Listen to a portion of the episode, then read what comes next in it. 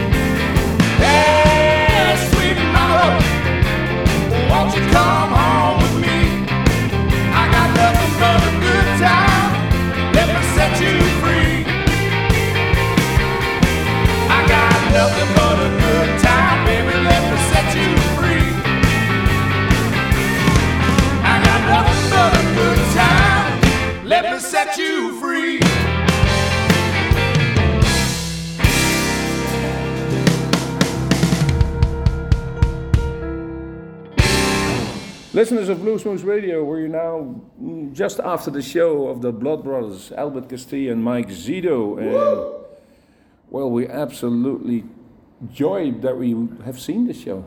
And it looks like this was the 300th show together. Oh yeah. Well, we've been. It, it sounds like three.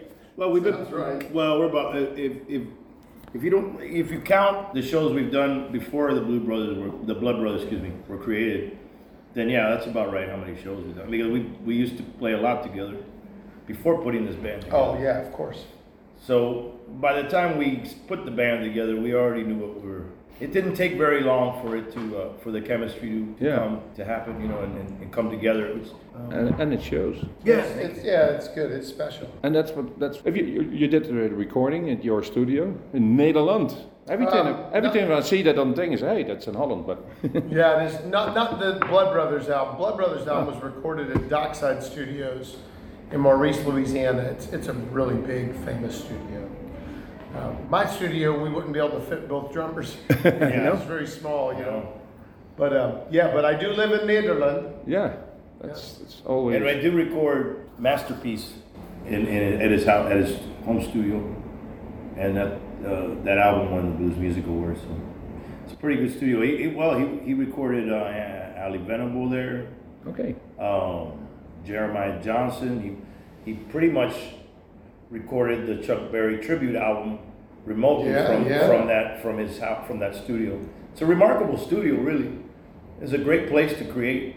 It is. It's it's good. It's um, it's not very far from where Blind Willie Johnson's grave was, is, and it's not very far from where Johnny Winter and, and, and Janis Joplin grew up.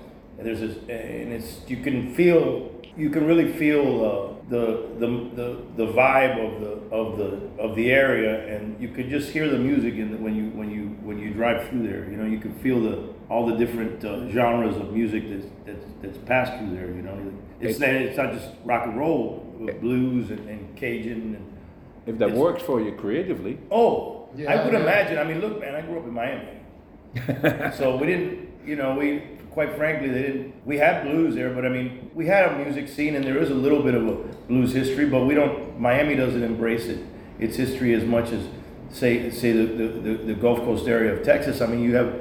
You, you got George Jones coming from there, you know, Gatemouth Browns from the area. I mean, it's, it's uh, and it is a, a it's short way to awesome. you can't help but but but uh, be affected by that if you live there. Well, you I did- think I'd be a better player if I lived there. When you did that recording, was it always the plan with two drummers? Yeah, I mean we we're gonna have two two drummers, two bass players. I mean we had two bass players for the very first tour, but my bass Player we tonight. merged both bands together in the beginning, and we would have probably had two bass players in the band, but, but uh, Justine, my bass player, she she wanted to start a family and have kids, so she she left the band.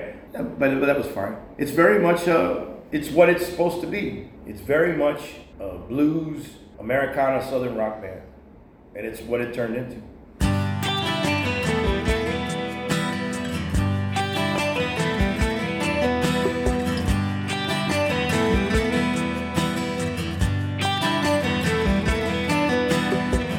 Every time I see you, I just die a little. Unrequited love's of all. My mind's on a tightrope, not a thing to break my fall.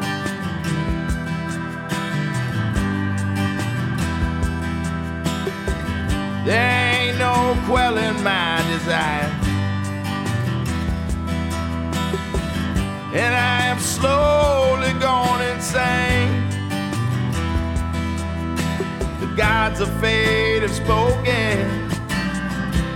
Put the locks upon these chains.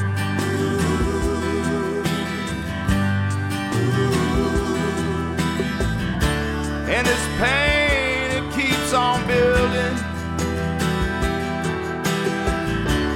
Don't know how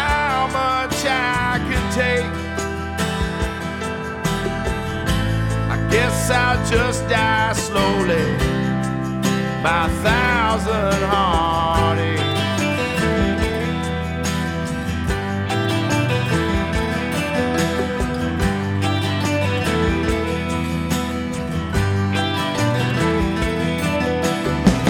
Never was and never will be. That's as far as I ever got. in my dreams, girl, till I'm tattered, fraud, and blue.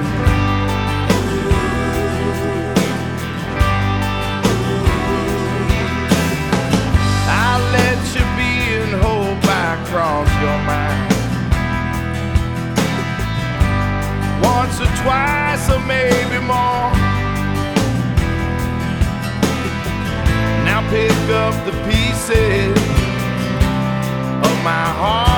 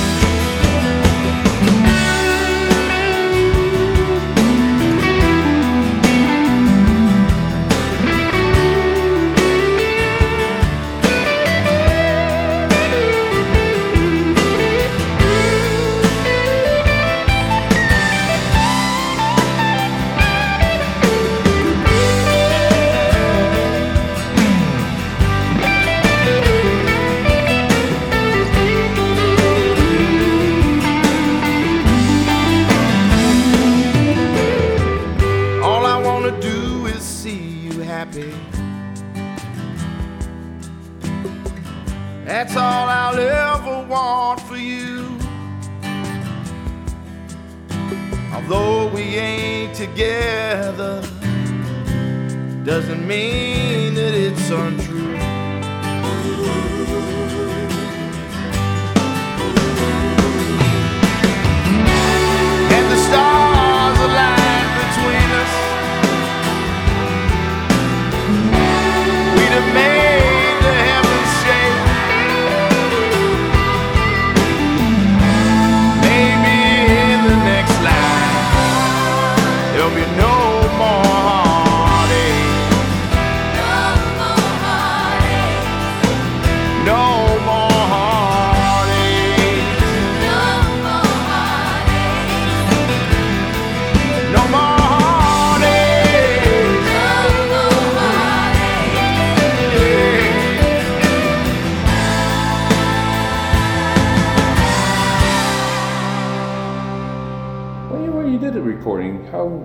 Was to merge your both ideas in one song?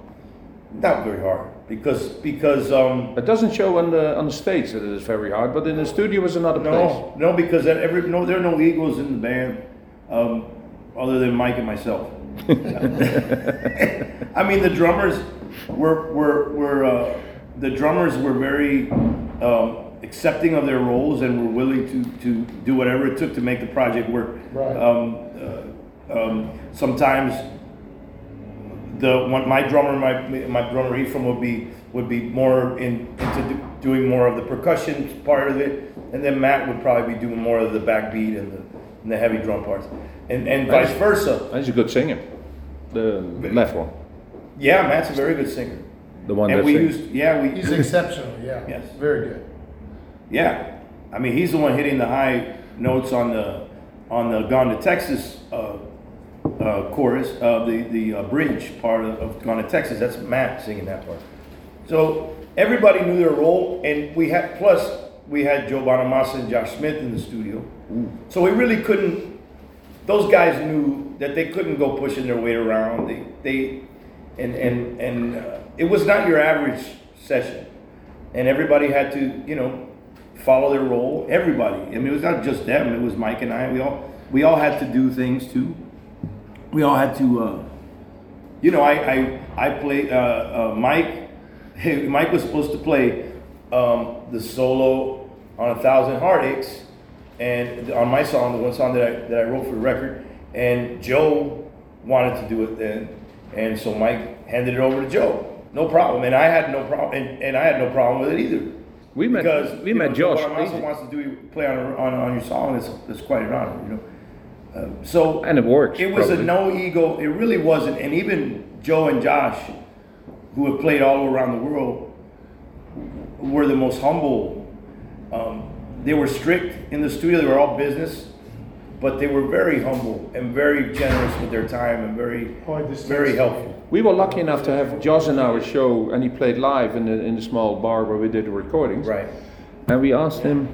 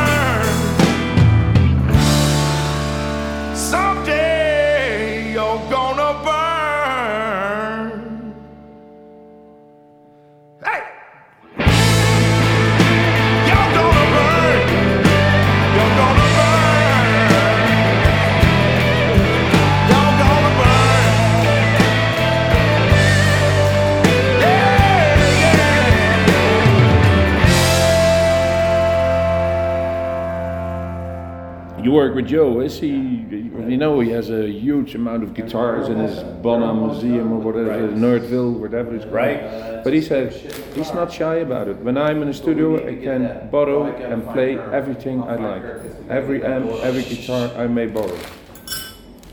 And are pretty expensive guitars in that uh, Nerdville. Oh, yeah. Mike, Mike would know better than anybody. Mike's been to Nerdville. I, I have yet to go to Nerdville. I hope one day I get to, I get invited to Nerdville. I'm, I'm not as knowledgeable about guitars as Joe or Mike. I, I just play them, but I sure would like to learn. and go over to Joe's and learn, you know. Yeah, he, he is. But I love it's always a difficult, but Joe Bonamassa, you hate him or you love him, but Well, I, I, I well, have can I huge respect that? for what he's doing. No, I understand. Can I speak on that though? No. Because yes, I'd like to. Oh, okay. I, I, Joe, I think what you're right.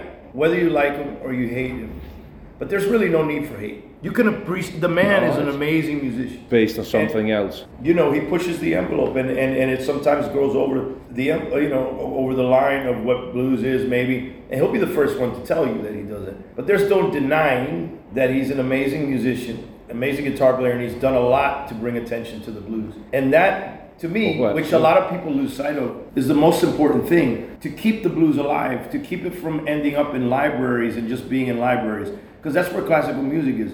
When I was a kid and they actually had libraries in schools, They still have. you would go well, but nobody goes to them anymore. Everybody goes to the internet. I I hate to set- to date myself, but we go to the we go to the, the libraries to find a lot of blues, a lot of Yeah. jazz, uh, and, and but classical music was probably the most expansive catalog of music in the libraries. And I don't, you know, those of us who play blues or blues rock or whatever you want to call it, really, they people don't understand what our mission is: is to keep it alive and to keep it relevant, and not to make it into an artifact in a museum for it to die. They say that I play too fast. But I know, baby, I wasn't born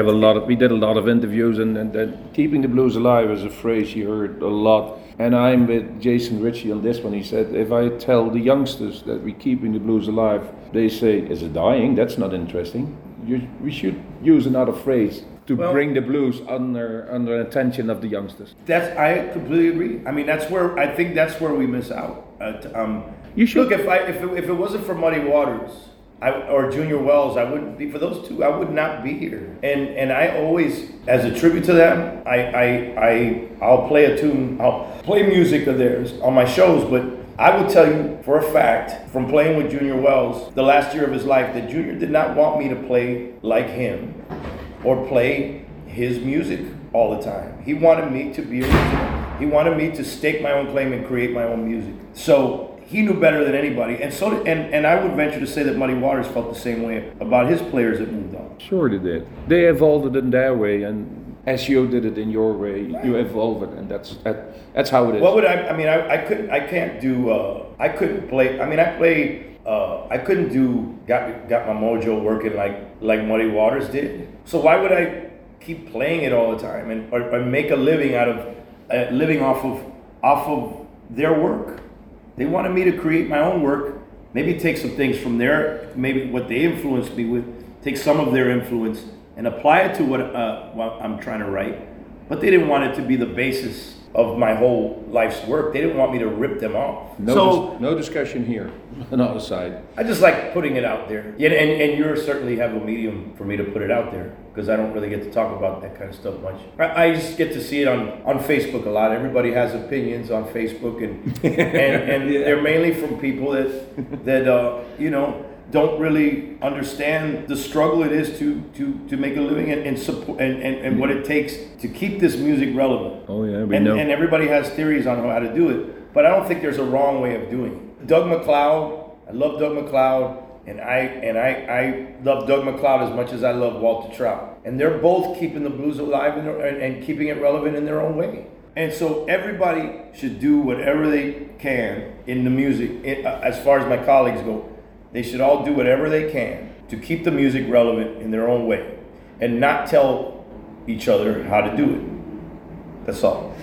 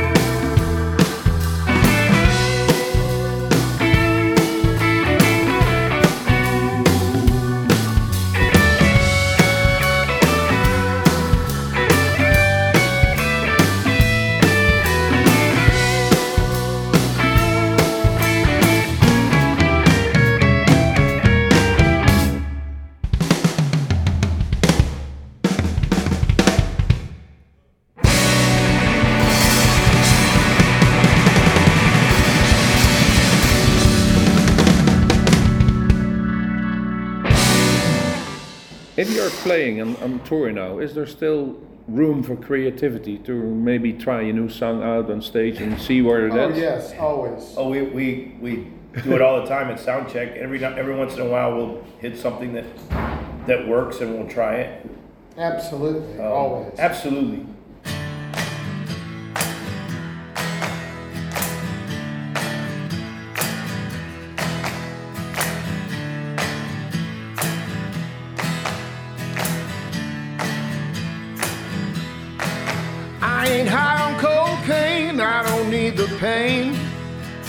Bad for your brain, and that's true.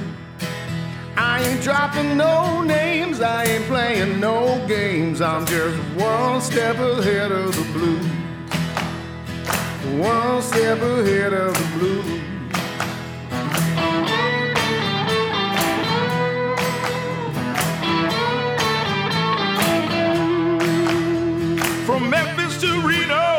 From New York to Tokyo, I'll try to come through for you. Now I won't do you in, I ain't no fair weather friend. I'm just a one step ahead of the blues. One step ahead of the blues.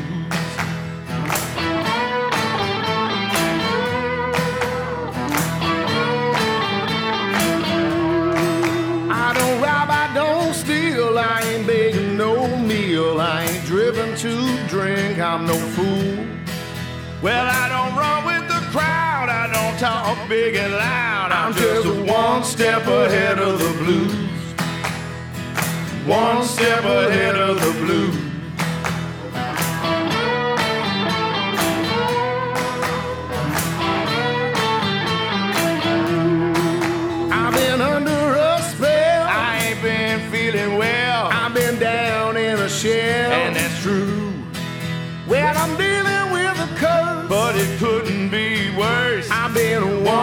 One step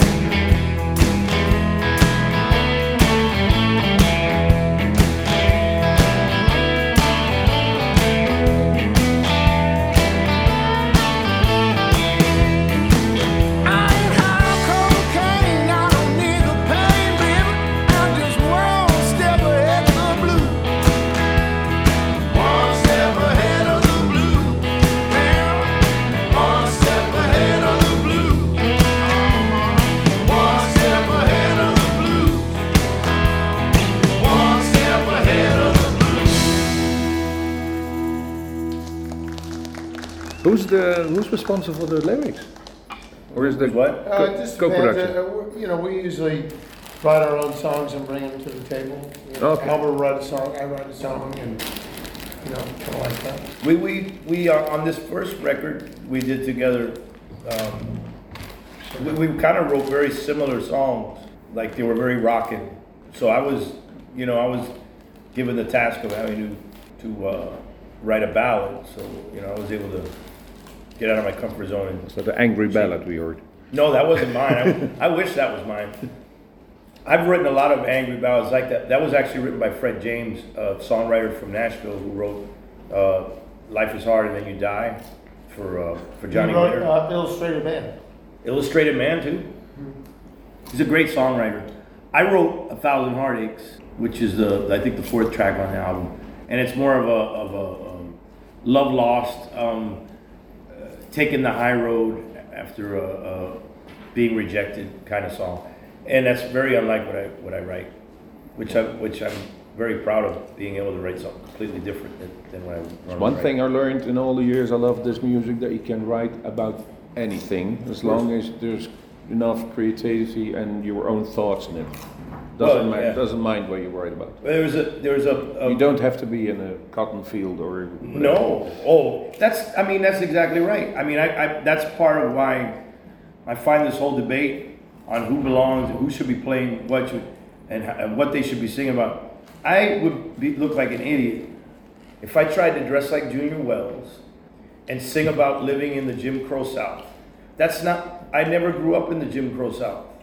I, I didn't live that experience, and it would be very disingenuous of me to Yeah. sing a song like "What's the Matter with the Mill" or or or uh, uh, uh, whatever. You know, it's stupid. You got to sing about what's going on in your life, and that's what makes great songs to me. Um, Mike Mike's struggles and and his his obstacles that's resonated with a lot of people.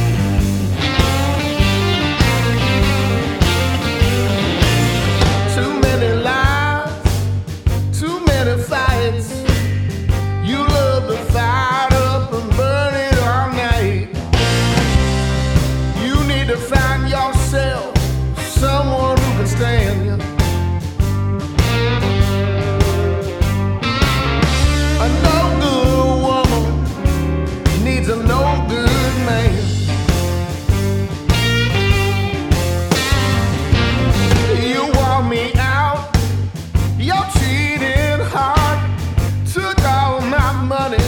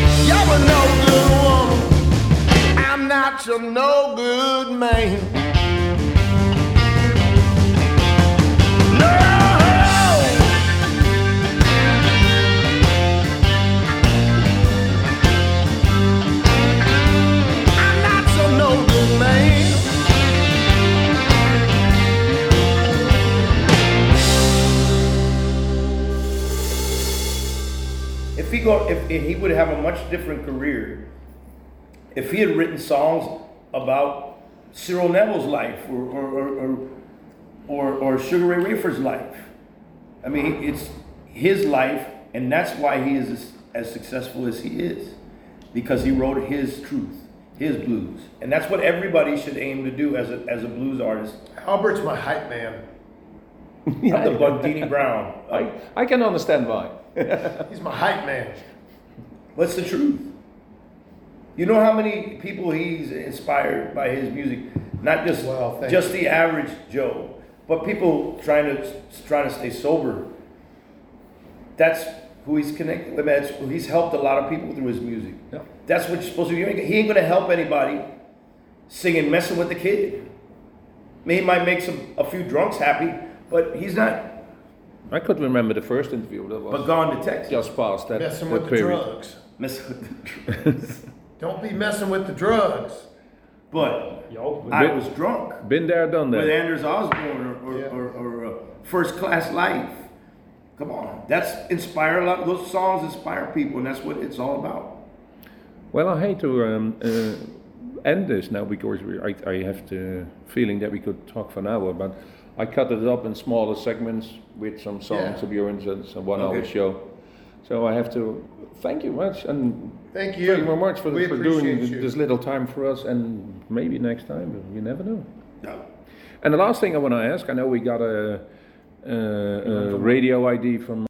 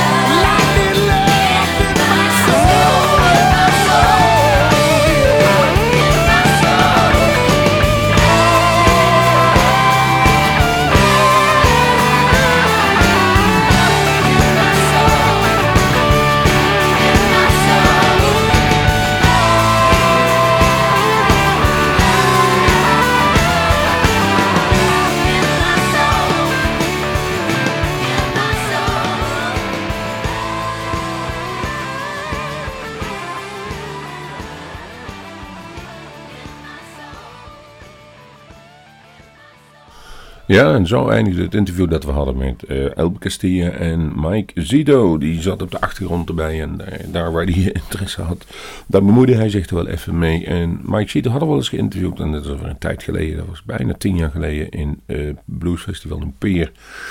Ehm, dat was bijzonder amusant, bijzonder interessant en het was ook een bijzonder heel goed concert. En dat kunt u dus binnenkort ook live, degene die live daar aanwezig zijn geweest, een live uitvoering van krijgen, live in Canada. Die komt dus uit. We gaan het wel even weten wat u gehoord heeft. We begonnen met Hey Sweet Mama. Vervolgens A Thousand Heartaches. Daar refereerde Albert ook al een paar keer aan in het interview. Dat, eh, daar speelt Joe Bonamassa ook mee. Vervolgens You, You're Gonna Burn. Bag Me, Take, tag me, Take Me Away. Eh, het vrolijke nummer. Hill Country Jam, was het, daar kwam daarna One Step Ahead of the Blues. Allemaal nummers van datzelfde album.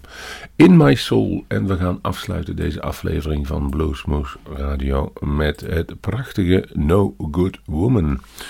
Daarmee bedanken wij iedereen die aan het interview meegewerkt heeft. Een bijzonder eh, logische van de schakel in Reuver. En wij zeggen tot de volgende Bluesmoes. En geniet nog één keer van de Blood Brothers. Hier is Albert Castilla. Mike Zido met No Good Woman.